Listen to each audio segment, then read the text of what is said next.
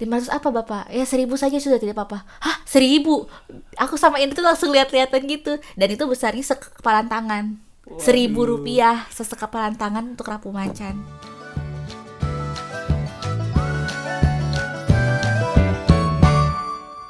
Kembali lagi Assalamualaikum warahmatullahi wabarakatuh Waalaikumsalam warahmatullahi wabarakatuh.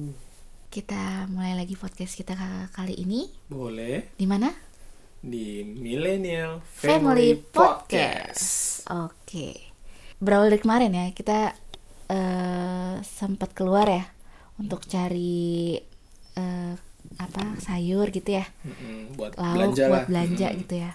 Terus yang tadinya eh, kok di daerah sekitar kit- rumah kita tuh udah nggak ada lagi tuh yang namanya ikan air tawar yang seger yang dari kolamnya langsung gitu Oh, loh ya. biasanya ikan mas, Mm-mm. ikan nila gitu Ikan ya. nila, ikan darat mas, lah ikan lebih darat, banyak. iya. Ikan darat produknya. Oh, itu udah banyak berkurang ya? sudah banyak berkurang karena pas dilihat tuh loh biasanya di sini kita beli kok sekarang udah Tutup. ditutup bahkan Iya. kolamnya udah nggak ada sama sekali malah diganti dengan eh, apa kandang ayam ayam ayam broiler itu Iya, yang yang ayam potong hidup, langsung iya. heeh.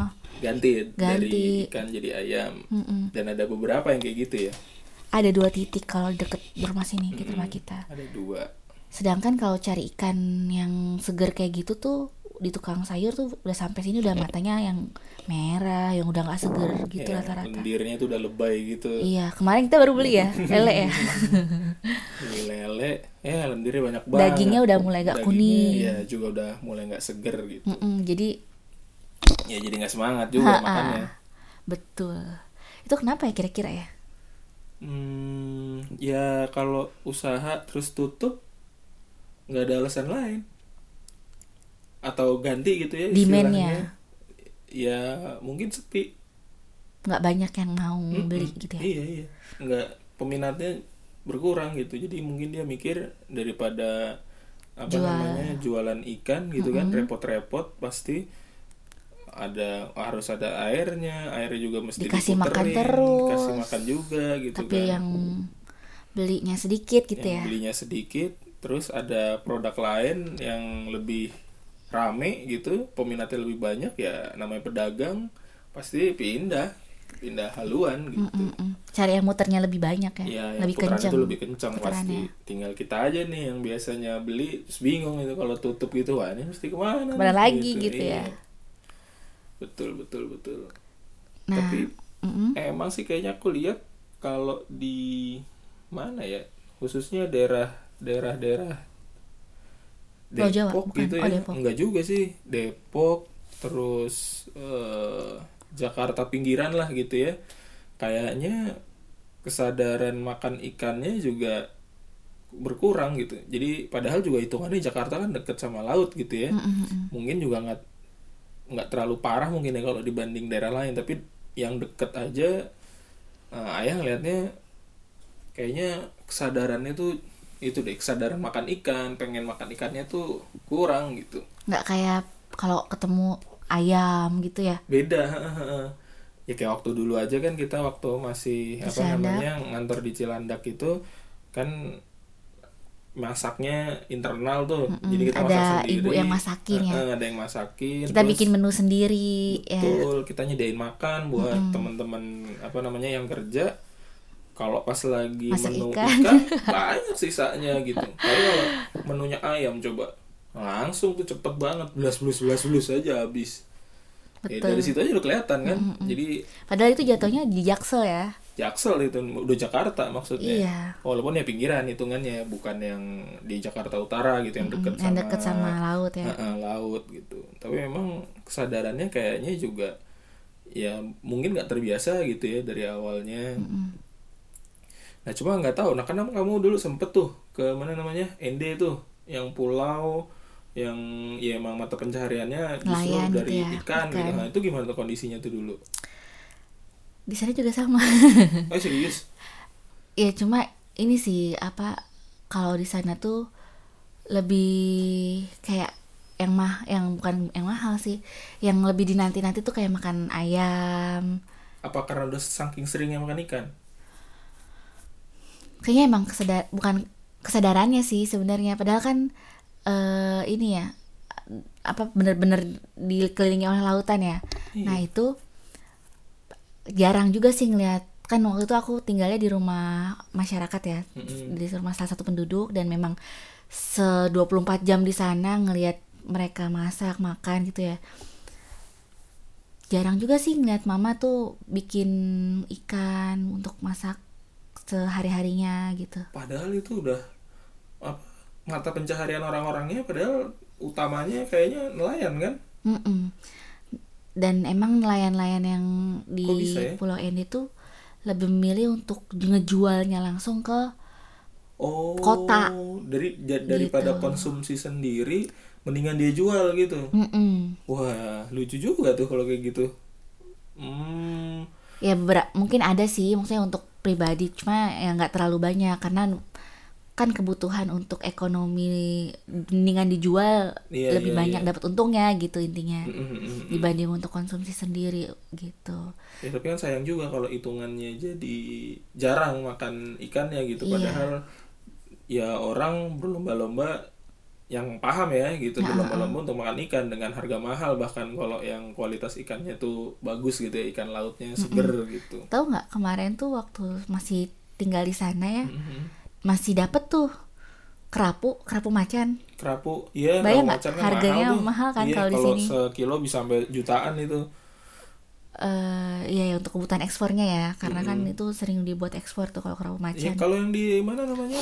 Bandar Jak Wah, ini jadi promosi Bandar Jakarta. Nggak apa-apa deh.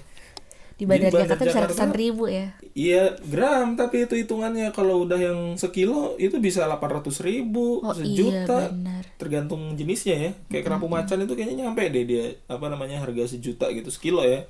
Tapi kalau ya cuman sekian gram harganya dia per gram gitu akhirnya. Edan sih. Kalau berapa tadi harganya? Kalau di Ah, ND di waktu itu pernah beli, jadi nelayan dapet bener-bener baru dari pagi-pagi subuh tuh baru dari apa namanya laut, terus masih dijaringnya nih. Ah, Terus kita kan datang kan celuk celuk celuk gitu gitu teman-teman PN. Terus ngeliat tuh ikan banyak, uh keren banget nih kerapu macan. Tapi kok sayang ya buat dimakan gitu kan, warnanya bagus-bagus gitu kan, tutul-tutulnya. gitu Iya, gubrak tanya lah. Berapa harga ini bapak gitu kan, ikan ini berapa harganya bapak gitu. Boleh lah untuk kalian 500 saja gitu. Terus kita, aku sama temanku yang bidan kan, yang perempuan, karena 500 lagi kebagian nih? masak, 500 ribu. Ya makanya deg-degan kan. Masa sindri 500 ribu? Nah, terus pas ditanya 500 apa bapak? Ya 1000 saja sudah tidak apa-apa. Hah 1000 aku sama ini tuh langsung lihat-lihatan gitu. Dan itu besarnya sekepalan tangan seribu rupiah sesekapalan tangan untuk rapu macan. Dahsyat banget. Kan lumayan ya maksudnya untuk ukuran segitu gitu. Itu tangan pertama tuh ya soalnya itu dari nelayan Iya, dan iya. mungkin entah beliau juga kayak kayak dari timbal balik kan kita kan Iya, iya, memberikan tapi senaik naiknya mau di itu dua kali dia lipat dua ribu. Gile. Ini banget jauh banget gitu di Jakarta sini harganya udah bisa sejutaan 800 ribu gitu. Iya ya tapi kerapu itu ya eh, ternyata udah ada yang ini budidaya budidaya di daerah Sukabumi apa Cianjur gitu di gunung. Jadi ada yang budidaya. padahal dia adanya di laut ya Padahal adanya di laut. Mm-mm. Ya diciptakan kondisinya kayak air laut memang gitu Oke. budi. Jadi ada ada yang budidaya kerapu Keren ya, sekarang. Allah. Keren tuh walaupun pengen tuh sekali-sekali lihat ah. Jadi denger tuh di Sukabumi atau Cianjur gitu loh. Pokoknya daerah-daerah agak tinggi gitu di gunung malah. Dan emang itu kayaknya cuma satu-satunya dia doang tuh. Dan ya kerapu gitu ya. Pasti itunya demandnya juga bagus gitu. Bagi yang mengerti. Tapi secara umum ya itu tadi ya di sekitar kita aja eh, jadi masih berkurang jadi ya ada berkurang gitu. kesadarannya makanya kemarin ya. saat eh, apa Bu Susi jadi menteri ya Mm-mm. itu beliau gencar banget tuh untuk eh, gemar makan ikan gitu kan Oh ya mumpung ya, maksudnya Mumpung. lagi viral gitu kan istilahnya sekalian dia. Nah tapi emang nih ada artikel juga gitu eh, dari data yang ada, emang ternyata Indonesia itu konsumsi ikannya itu termasuk rendah tuh dibanding sama Malaysia, di Asia di ASEAN, ASEAN, dulu ASEAN. ha. dibanding Malaysia sama Singapura lah yang paling dekat. Padahal kan garis pantainya jauh lebih banyak. Banyak banget. Lebih banyak dari kita gitu. iya, garis Aceh pantainya tuh Indonesia Papua. tuh waduh nggak nggak kurang-kurang lah istilahnya. Ya wong kita juga banyak yang ekspor ikan kok gitu. Nah cuman sayangnya ternyata penduduk kita tuh minus banget gitu eh, konsumsi ikannya gitu sayang. Jadi di Indonesia itu menurut datanya gitu ya tahun 2015 sih ini. Itu di mana namanya? Di Indonesia itu sekitar 38 kg per kapita per orang per tahun. dikit ya? jadi jadi eh, apa namanya? Ya sehari itu paling cuma berapa gram? 70 gram. Nggak nyampe 100 gram loh sehari. Iya. ya, dikit banget kalau Malaysia itu bisa sampai 56 eh sorry. Malaysia. ya benar. Malaysia itu 56 kilogram per tahun. Kalau si Singapura itu 48 kilogram. Dibanding kita tadi cuma 38 39 39. jauh banget gitu. Padahal ya ya kan kita tahu ya ikan itu proteinnya bagus banget gitu. Proteinnya bagus banget buat kesehatan. Nah kalau apa namanya dulu kamu itu ini nggak? Pas lagi belajar ya, kamu kan perawat nih. Pentingnya ikan itu sejauh mana sih waktu sekolah dulu dikasih taunya? Bahkan sampai ini ya ada yang bisa apa mencegah jantung koroner gitu. Karena kan ada kandungan ikan kayak omega 3-nya DHA-nya gitu. Oh pas ini ya, pas da, di fase awal-awal pertumbuhan janin gitu ya. Mm-mm. Fungsinya tuh di situ kali ya, penting banget. Makanya ibu hamil kan juga ini kan Sangat diminta disarankan untuk makan ikan. Makan ikan. Cuman hati-hati kalau untuk orang hamil. Iya, jangan sampai ikan laut yang ada kadar merkuri lautnya tinggi. Kadar merkurinya tinggi. Makanya itu pas banget tuh kalau makan ikan tapi orang NTT gitu yang lautnya masih lautnya masih oke gitu ya. oke, nggak banyak timbal, nggak banyak ini gitu kan. Belum banyak polusi. ya paling lautnya. sampah sedikit lah di laut. Nggak sedikit kayaknya kalau kita ngelihat iya. di apa namanya Facebook segala macam. Oh iya, salah satu apa namanya kan bukan kekurangan sih yang perlu diperbaiki ya Mm-mm. dari Pulau Ende itu tuh pengelolaan sampah rumah Hmm. tangga ya. Iya, iya. Jadi, ya Sampahnya itu. dia kenapa kalau di sana? Langsung aja gitu buang ke laut. Kan bentuknya pulau ya, Hmm. pulau ke pulau di bawah pulau kecil gitu di bawahnya Flores. Nah sampah-sampahnya kalau yang nggak dibakar pilihannya Oh salah satunya dibuang ke laut. paling selatan ya soalnya ya. Iya paling bawah deket itu laut Pulaunya juga Sau, besar gitu laut kan. Heeh. Mhm. Ya pilihannya ya sayang itu juga jadi sa- jadi ah, mengkhawatirkan sih ketika kita makin banyak juga dia orangnya gitu. iya banyak orang penduduknya terus sampahnya belum nggak diurus gitu eh, kurang, terorganisir dengan baik kurang, gitu kurang terurus gitu. dan akhirnya malah khawatirnya me, itu merusak lingkungan Mengurangi Kondisi kualitas ikannya, ikannya juga. heeh. Sayang ya. sayang. Nah balik lagi ke tadi tuh ikan itu sebetulnya kalau buat ibu hamil bahaya itu karena apanya tadi? merkuri timbal Merkuri. Nah itu banyak di wilayah mana tuh? woi Jakarta itu tahu nggak Teluk Ker- Jakarta ya. Teluk Jakarta itu kenapa apa namanya kerang itu dibudidaya karena dia bisa nyerap si siapa polutan polutan ya Polutan namanya, zat polutan. zat polutannya Oh. ternyata konsumsi kerang Teluk Jakarta juga hati-hati Oh iya. kerang benar, hijau benar, tuh apalagi tuh tahu Iya. Karena kerang itu justru hidup kalau semakin kotor betul air lautnya dia lautnya semakin, banyak, gitu. Menguntungkan sekali berarti menernak kerang di Teluk Jakarta kalau begitu. iya Karena kapalnya lalu lalang banyak kan gitu. Pasti polutannya lebih tinggi tuh daripada wilayah lain. kapal-kapal besar Kapal bisa kan sering lewat gitu kan Iya. istilahnya di wilayah itu. Jadi justru menguntungkan. Nah, jadi buat teman-teman tuh hati-hati juga. Yang ibu, terutama ibu hamil nih. Kalau orang apa namanya normal tidak dalam keadaan hamil gitu ya istilahnya ya untuk sekali makan boleh lah seminggu dalam sekali, seminggu dua minggu sekali. sebulan lah Oh, kalau. Kalau kangen banget gitu makan kerang boleh lah gitu ya. Warteg gitu ya. Warteg beli apa kerang gitu kan nikmat tuh. Tapi emang kerang susah sih. Susah dilawan sih enaknya. iya tapi kalau misalnya kerang kayak kerang mutiara kerang apa tuh kerang bambu bambu gitu-gitu. ya. masalah juga nggak sih? itu. beda nggak sih sama Nah, yang kerang? Tapi kalau dia dari aja. Teluk Jakarta juga bermasalah juga? Atau dia ya sama aja sih kalau masih asal Teluk Jakarta. Cuman kan masalahnya kita nggak tahu itu dari mana. Jadi Iya. kalau kerang hijau udah tau lah. Nggak mungkin kerang hijau itu didistribusikannya terlalu jauh karena di, sa- di sini aja banyak di Teluk Jakarta aja banyak gitu jadi Hmm. Iya, iya. di pasarnya Jakarta Tangerang Bekasi kemungkinan besar namanya Dari kerang Teluk hijau Jakarta. dari Teluk Jakarta nah cuman kalau yang kerang yang lain kurang tahu juga tuh makanya tuh sebenarnya enak tuh kalau jalan-jalannya ke daerah pesisirnya tuh yang agak ke Jawa Tengah gitu ya Tegal segala jangan Pulau macam. Jawa deh kayaknya karena dia kan lalu lalang mahal perdagangan. Bos. mahal bos. Oh iya ya Iya. harus sampai ke timur banget baru Oh, makan tuh mahal di ongkos ya pak ya. Iya, mungkin kalau yang masih kayak Tegal gitu ya pesisirnya masih oke lah gitu kerang. Ini ada kerang nggak ya di Tegal? Nggak tahu ya Tegal setiap itu pesisir tuh punya kerang nggak ya? Kan gitu Bakso aci ya. juga. kalau Tegal itu tahu tahu itu. Eh tahu aci ya? Tahu aci namanya. Atau bakso aci. Itu pasti ada itu kalau di Tegal. Jadi ya hati-hati ya berarti kalau buat konsumsi ikan laut. Kalau ikan darat buat ibu hamil gimana? Ikan darat kayaknya nggak ada ininya deh. Asal ya yang dipilih yang seger yang matanya masih Oh yang kualitasnya Iya, ya masih seger lah masih seger intinya Nah, gitu. masih seger lah. Kayak ikan Oh, tawar nggak ada ininya. Aman ya berarti buat Aman, ibu ah, hamil ya. Justru dianjurkan ya. Iya. Proteinnya karena bagus kan ikan itu sebetulnya. Karena kemarin pas hamilnya Nahla itu aku sempat alergi telur sama ayam kan. Mm-mm. terus sama objinnya bilang ya udah bu dibanyakin ikan air tawar gitu.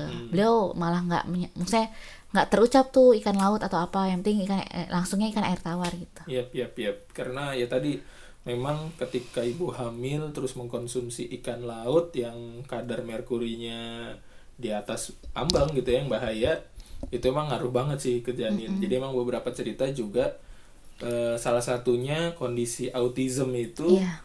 Eh, Dari merkuri yang keras, tinggi. ha-ha, dari ikan laut yang sudah tercemar dengan merkuri iya itu salah satu ininya pernah baca gitu salah satu penyebabnya Faktor penyebab. faktor penyebab dari autism walaupun sampai sekarang belum ketahuan kan secara pasti autism itu kenapa tapi ada beberapa penelitian bilang salah satunya adalah uh, Konsumsi konsumsi ikan ikan laut, laut. yang tercemar oleh Merkuri. zat merkuri Iya. gitu jadi hati-hati kita harus makan ikan gitu ya harus kita tingkatkan. Tapi pilih-pilih. Tapi ya untuk ibu hamil tuh ada Amannya ikan air tawar. pengecualian lah gitu. Dia harusnya air tawar ikan air tawar yang dikonsumsi itu jauh lebih aman. Ya kecuali mungkin tinggalnya tadi ya di Pulau Ende yang ikan lautnya tuh masih bersih masih oke di sekelilingnya nggak ada pertambangan apa pun gitu kan. minyak nggak apa ada kapal-kapal besar lewat. Nggak ada nggak ada perminyakan offshore atau apa Iya. gitu di wilayahnya. Nah itu cakep tuh ikan laut gitu ya Masih tapi kalau daerah Jawa apalagi pesisir-pesisir Jakarta Jabodetabek Surabaya tuh yang Jawa Timur kayak kota-kota besar itu iya yang tempat singgah sehingga kapalnya Kapal. rame yang kemungkinan polutannya banyak gitu ya Ya itu Disarankan tidak disarankan untuk tidak makan ikan lebih laut. ke ikan laut eh ke ikan tawar, Ikan tawar. sorry. ya ya ya ya nah ini info bagus juga nih baru tahu juga nah eh apa ya? Kalau di masyarakat kita itu kenapa ya? Ikan itu ya tadi tuh yang kita di Cilandak itu kan orang teman-teman itu kurang bergairah gitu kayaknya kalau makan ikan gitu. Karena kalau aku sendiri sih dari kecil emang mungkin pengaruh orang tua ya karena kalau dari kecil aku tuh ya kalau makan ikan pasti ada. Seminggu itu dalam seminggu lebih dari tiga hari itu pasti makannya ikan. Malah apa faktor ekonomi juga. Kayaknya dulu lebih mahal ayam kan.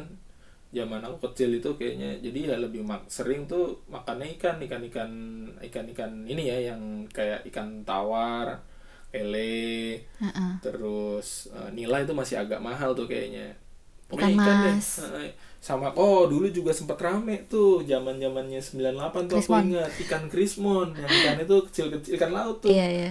Dan entah kenapa ikan Indosiar itu bukan sih?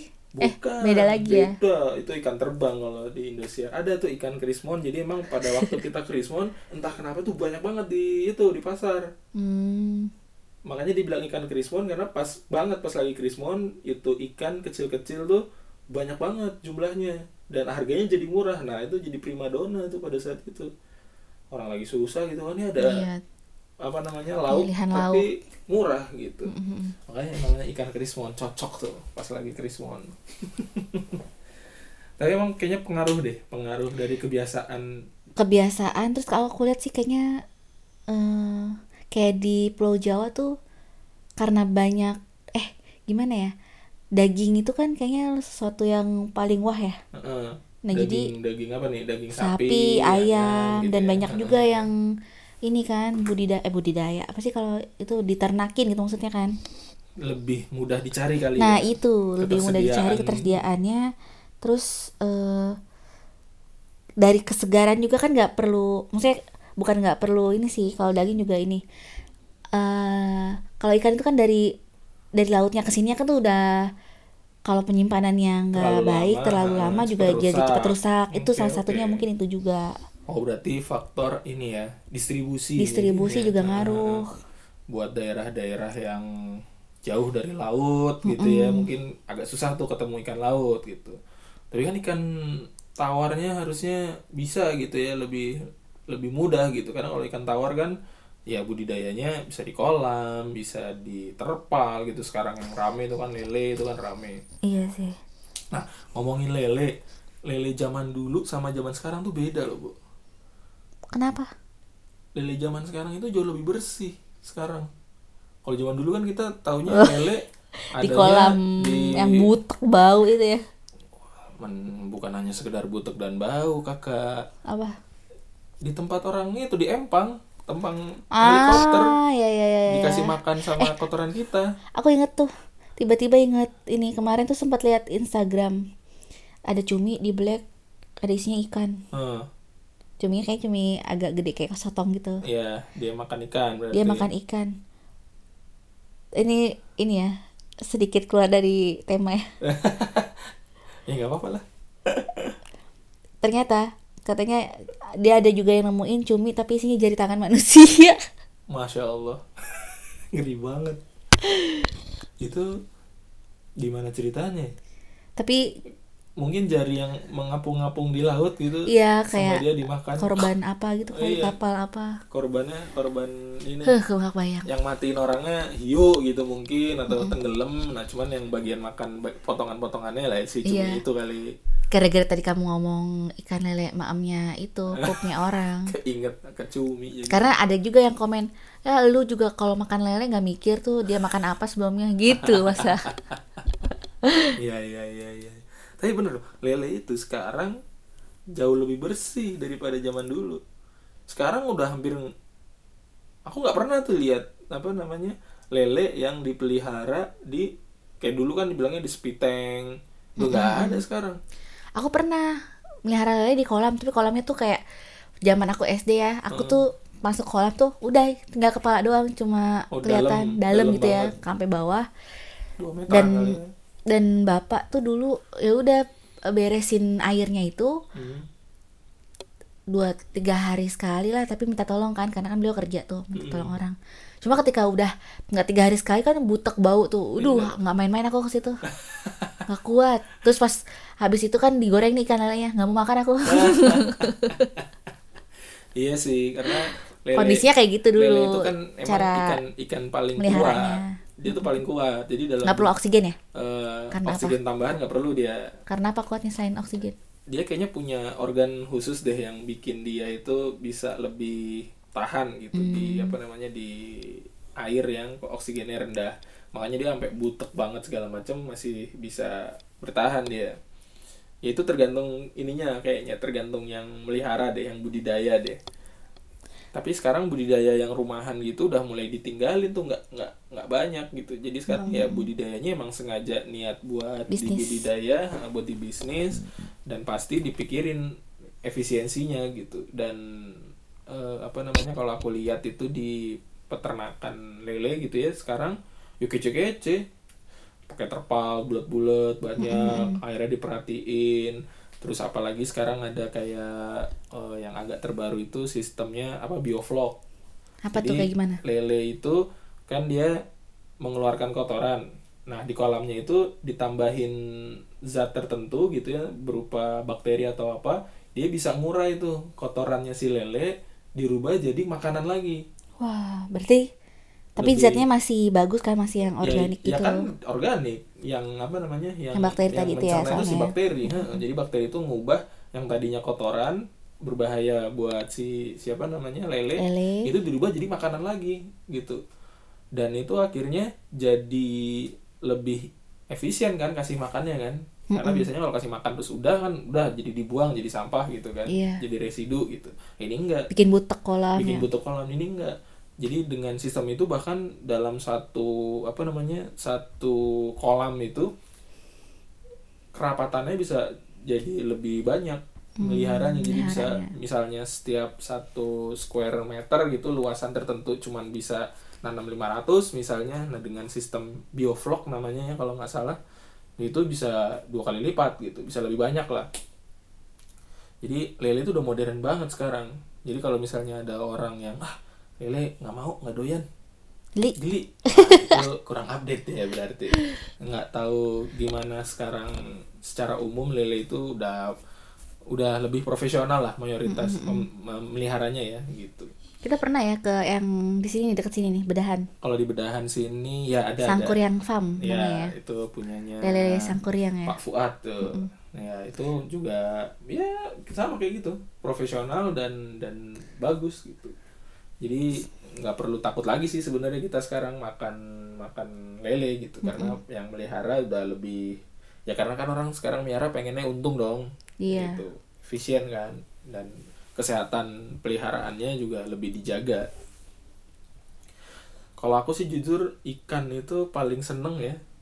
Ikan kalau darat lele sama nila. Wow itu paling top dah. Kenapa? Lele sama nila. Enak. Bau lumpur eh bau lumpur enggak maksudnya. Waduh. aku kalau makan lele yang masih bau lumpur tuh Enggak lah. aku tinggalin rasanya tuh. Itu sebenarnya tergantung yang ngolah sih sebetulnya. Ya namanya ikan darat tuh pasti cenderung hawa lumpurnya tuh ada ya. Kan miaranya di kolam. Kolam tanah tuh kebanyakan juga ada yang miara. Kecuali yang miaranya udah di terpal ya. Mungkin nggak terlalu bau lumpur. Tapi kalau yang masih miaranya di kolam tanah, ya pasti bau lumpur. Mau dia apa namanya nila ataupun ikan mas. Cuman gue nggak terlalu suka ikan mas. Kan kayaknya Durinya banyak, banyak ya ya. males jadi lebih ini jadi emang kebiasaan ya akhirnya Iya. yang membentuk bahwa ya padahal penting tuh makan ikan Kayak bapak di rumah tuh jarang makan ikan.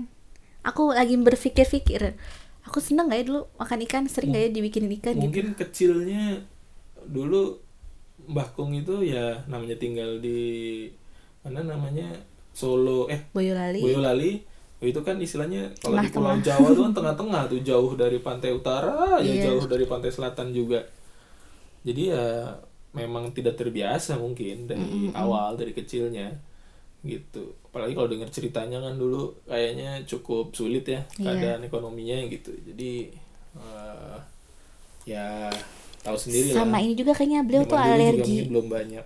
Oh beliau tuh alergi. Uh-uh. ikan Jadi- apa? Ikan laut tapi? Ikan laut alergi. alergi ikan laut ya pantas lah. Apalagi ditambah alergi. Makanya turun- nurun, ke kamu aku ya. kan alergi tuh. sebagian ada alerginya.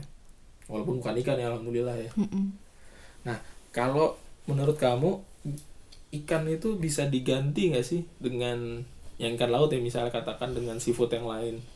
Cumi tuh apalagi Apa? Udang kerang udang gitu diganti apanya diganti ya maksudnya Sesu- yang- nggak doyan sama Oh. ikan laut tapi ah tapi doyan kok cumi segala macam itu secara nilai gizinya bisa digantikan nggak kalau menurut kamu enggak sih? tetap ikannya juga penting ya Iya. Hmm. Karena ya itu tadi ada beberapa kandungan yang di kayak si cumi cumi atau udang tuh nggak ada gitu. Hmm, Hanya ada di ikan. hanya ada di ikan seru juga tuh Eh, ada juga ikan yang sebenarnya bu itu over over marketing Bu. aku baru mau ini tanya sebenarnya kalau kayak tuna itu sebenarnya bener bagus nggak sih yang kayak di ikan-ikan itu loh makarel gitu-gitu Nah, jadi pernah ada nah, sebenarnya sih kita bisa lihat ya, bisa googling ya, cari kandungannya gitu, kandungan proteinnya. Jadi secara secara sains lah gitu ya istilahnya, secara ilmiah rupanya ikan-ikan yang selama ini ada di kita lokal lah gitu ya.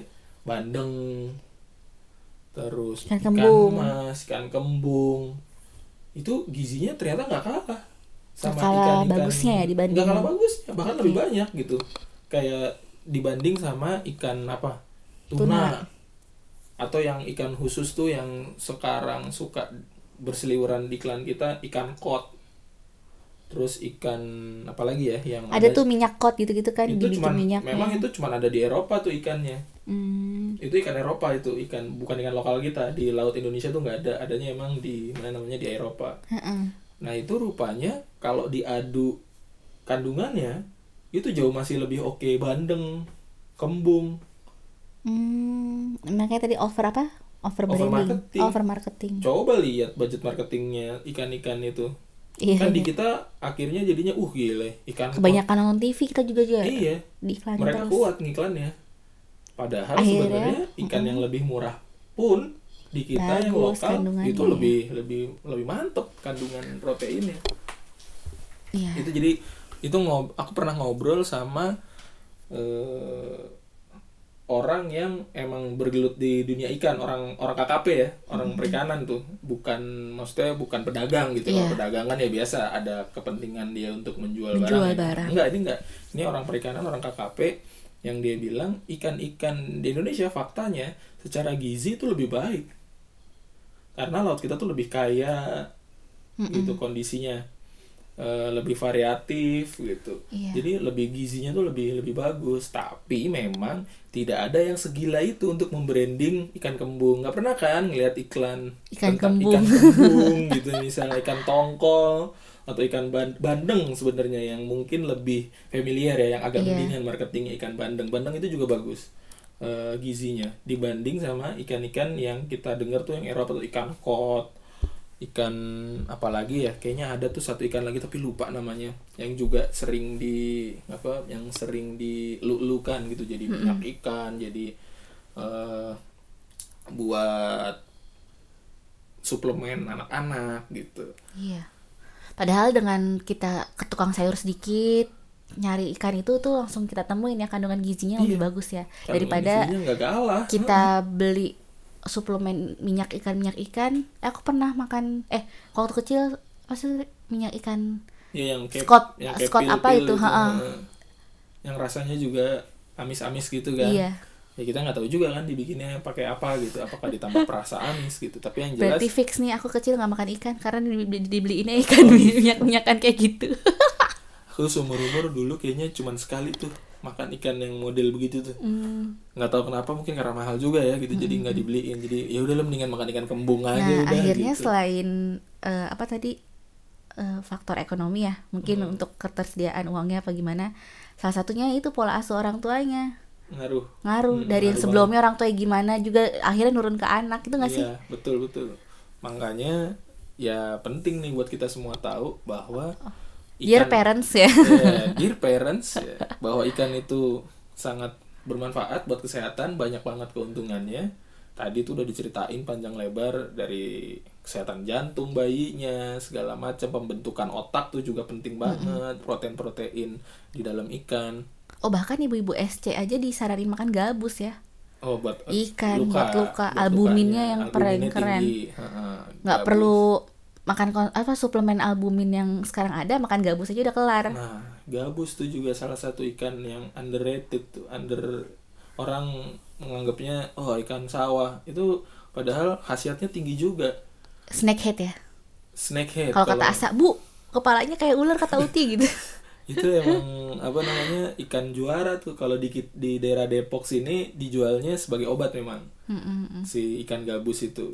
Tapi kalau di Palembang, setahu aku itu udah jadi komoditas buat pempek, bahan dasar Iya. pempek itu kalau gabus itu.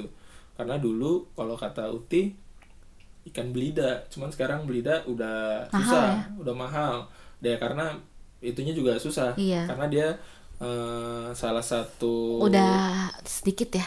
salah satu hewan apa istilahnya kalau endemik mah sungai ya. Hanya ada di sungai itu ya. dia Musi itu doang ya. di musi ternyata tapi banyak juga sih akhirnya. Kemarin tuh aku lihat kan sempat ngikutin juga tuh ikan-ikan apa predator yang dijual-jual itu yang buat pajangan Iya. hiasan doang gitu. Nah itu belida udah masuk tuh aku lihat. Makanya kaget juga. Loh Yang dia, ada motifnya itu kan dia di- modelnya kalau ikan kan lurus gitu Ha, ya dia agak bongkok turun gitu. ya. Ha, Iya, iya, agak iya. bongkok gitu modelan ikannya ikan belida Nah, itu rupanya jadi ikan hias juga tuh sekarang masuk. Hmm.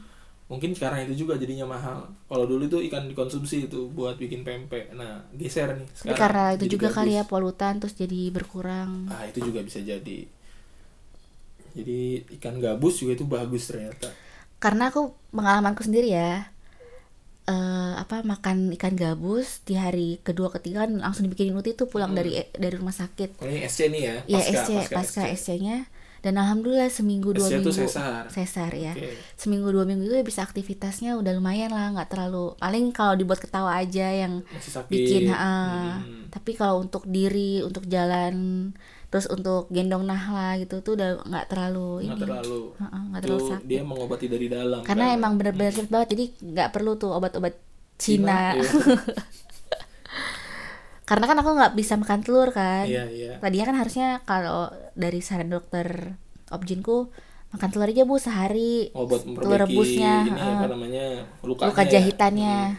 Tapi karena aku nggak bisa akhirnya alergi. Alergi eh, karena itu kan alergi tuh ya akhirnya gabus itu pilihan paling topnya. Paling mantap. Mantap. Kalau di Depok sini gabus itu harganya kemarin tuh berapa ya? 140 ribu. 100 ya range nya dari 140 sampai 170 lah tergantung keahlian anda menawar gitu.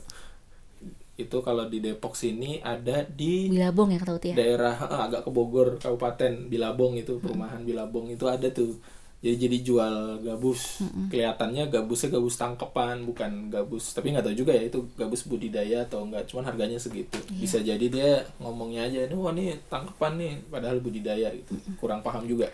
Sama tapi lumayan kemarin. mahal jadinya karena obat Oh, iya. masuknya bukan konsumsi. Mungkin kalau belinya di Palembang murah. Aku inget deh Ah, satu lagi selain selain tentang SC ya menyembuhkan luka SC dari gabus kerapu macan itu juga bisa buat orang-orang yang habis operasi jantung Mm-mm. itu juga bagus tuh kerapu macan buat pemulihannya lagi Tentu saja bagus. Harganya Iya, bagus. Pasti bagus. tapi ya itu dia kalau sayangnya belinya di Ende murah. betul Ongkos ke Ende berapa? kau pergi saja ke Ende sudah Ongkosnya berapa ke Ende gitu. ya itu akhirnya karena mungkin kemarin ba- sempat baca tuh di artikel eh, pemerintah NTT-nya tuh udah aware ya terhadap eh, apa kekayaan eh, kekayaan lautnya mereka kekayaan yang lautnya. melimpah tapi nggak diserap sama masyarakatnya akhirnya eh, diekspor besar-besaran gitu si kerapu biasanya. macannya. Jepang tuh biasanya yang jadi padahal kan sayang ya gitu maksudnya Iya, iya. Kita Jadi kaya. salah satu perusahaan ikan yang nangkap ikan terus jadi makanan olahan itu ternyata juga marketnya terakhir 2014 tuh pernah ketemu ngobrol eh 2015 ya kalau nggak salah. Sama ini ya? Pak Almarhum. Najib ya almarhum. Almarhum Pak Najib. Eh, itu dia cerita memang sebagian besar 70% lebih pa- bahkan 80 ya agak lupa itu marketnya ekspor memang. Jadi beliau itu eh me- apa namanya mem kok membudidaya gara-gara habis ngomong budidaya gitu? Memberdayakan. Memberdayakan. Memberdayakan. Petani-petani lokal. Nelayan-nelayan oh lokal, petani astagfirullahaladzim. Otakku. Nelayan-nelayan yang kecil-kecil. Padahal dia bisa tuh beli kapal gede buat dia nangkap sendiri tapi dia enggak. Luar biasa tuh beliau. Dia lebih memilih buat memberdayakan nelayan-nelayan lokal sepanjang garis, Garis pantai. pantainya so Indonesia tuh udah kayaknya cuman dia fokusnya banyak di sama kayak Bu Susi berarti ya? Jakarta eh, Jawa Timur. Itu ya marketnya marketnya tadi ekspor Jepang. Sebagian besar. Nah Sayang. ini baru mau masuk eh, 2015 itu udah mulai dia mau. Beliau itu punya cita-cita yaitu pengennya ikan laut ini juga diserap sama domestik gitu. Karena ya memang bagus banget orang luar yang jadi pinter-pinter gara-gara hasil laut kita gitu. Kitanya ketinggalan. Iya. karena emang beda banget anak yang biasa makan ikan sama yang nggak. Biasa makan ikan tuh beda kemampuan intelijensianya lain. Sama sisi pertumbuhan juga ya. pertumbuhannya juga jadi nggak cuma kemampuan otaknya gitu ya tapi eh, metabolismenya juga kayaknya beda tuh orang-orang yang biasa makan ikan sama yang nggak terbiasa makan ikan Mm, mm, mm. padahal cuma dari makanan ya bisa ngaruh banget gitu. Nah jadi buat para orang tua ya pesan kami lah pesan kami. Millennial family ini terutama Iya. yang seangkatan ya kita semua udah harus kalau misalnya ada teman-teman yang belum terbiasa makan ikan jangan ditularin ke anaknya. Anaknya dibeliin gitu. Dicekokin kalau bisa. disuapin gitu iya. Anaknya dibeliin ikan dikasih gitu ke anaknya. Karena itu penting banget karena kalau bukan kita ya mau mau siapa lagi gitu Mm-mm. kalau kita pengen memperbaiki kualitas keturunan kita ya salah satu caranya adalah konsumsi ikan yang banyak Betul. gitu Ada lagi, Pak? cukup kayaknya kita ngobrol itu udah 40 menit loh Oh iya ya nggak kerasa ya. Kerasa. Ngomongin ikan doang padahal Ngomongin ya. ikan doang padahal Gara-gara susah nyari ikan di sini. tadi tuh eh kemarin ya tadi apa kemarin sih Kemarin. kemarin ya Mm-mm. mau nyari ikan seger gitu susah karena kalau di tukang sayur udah kurang seger kan Mm-mm. oke oke oke ya udah itu aja silakan kasih kata-kata penutup ayolah Gemar makan ikan dah. Kalau nggak makan ikan tenggelamkan kalau kata Bu Susi. oh gitu semoga bermanfaat nih Ah, ya, amin. episode yang kali ini alhamdulillah nih kalau episode pertama kedua jaraknya 2 tahun ini dua ketiga cuman beberapa hari nih stay tune terus doakan kami Istiqomah. Oh. istiqomah Dan bermanfaat. ya itu penting banget gitu karena yang berat adalah istiqomah gitu karena kondisi kita begini nggak bisa take siang-siang dan berat juga tantangannya ternyata bangun apa namanya tengah malam.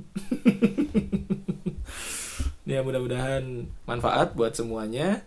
Kami undur diri. Terima kasih banyak. Assalamualaikum Warahmatullahi wabarakatuh.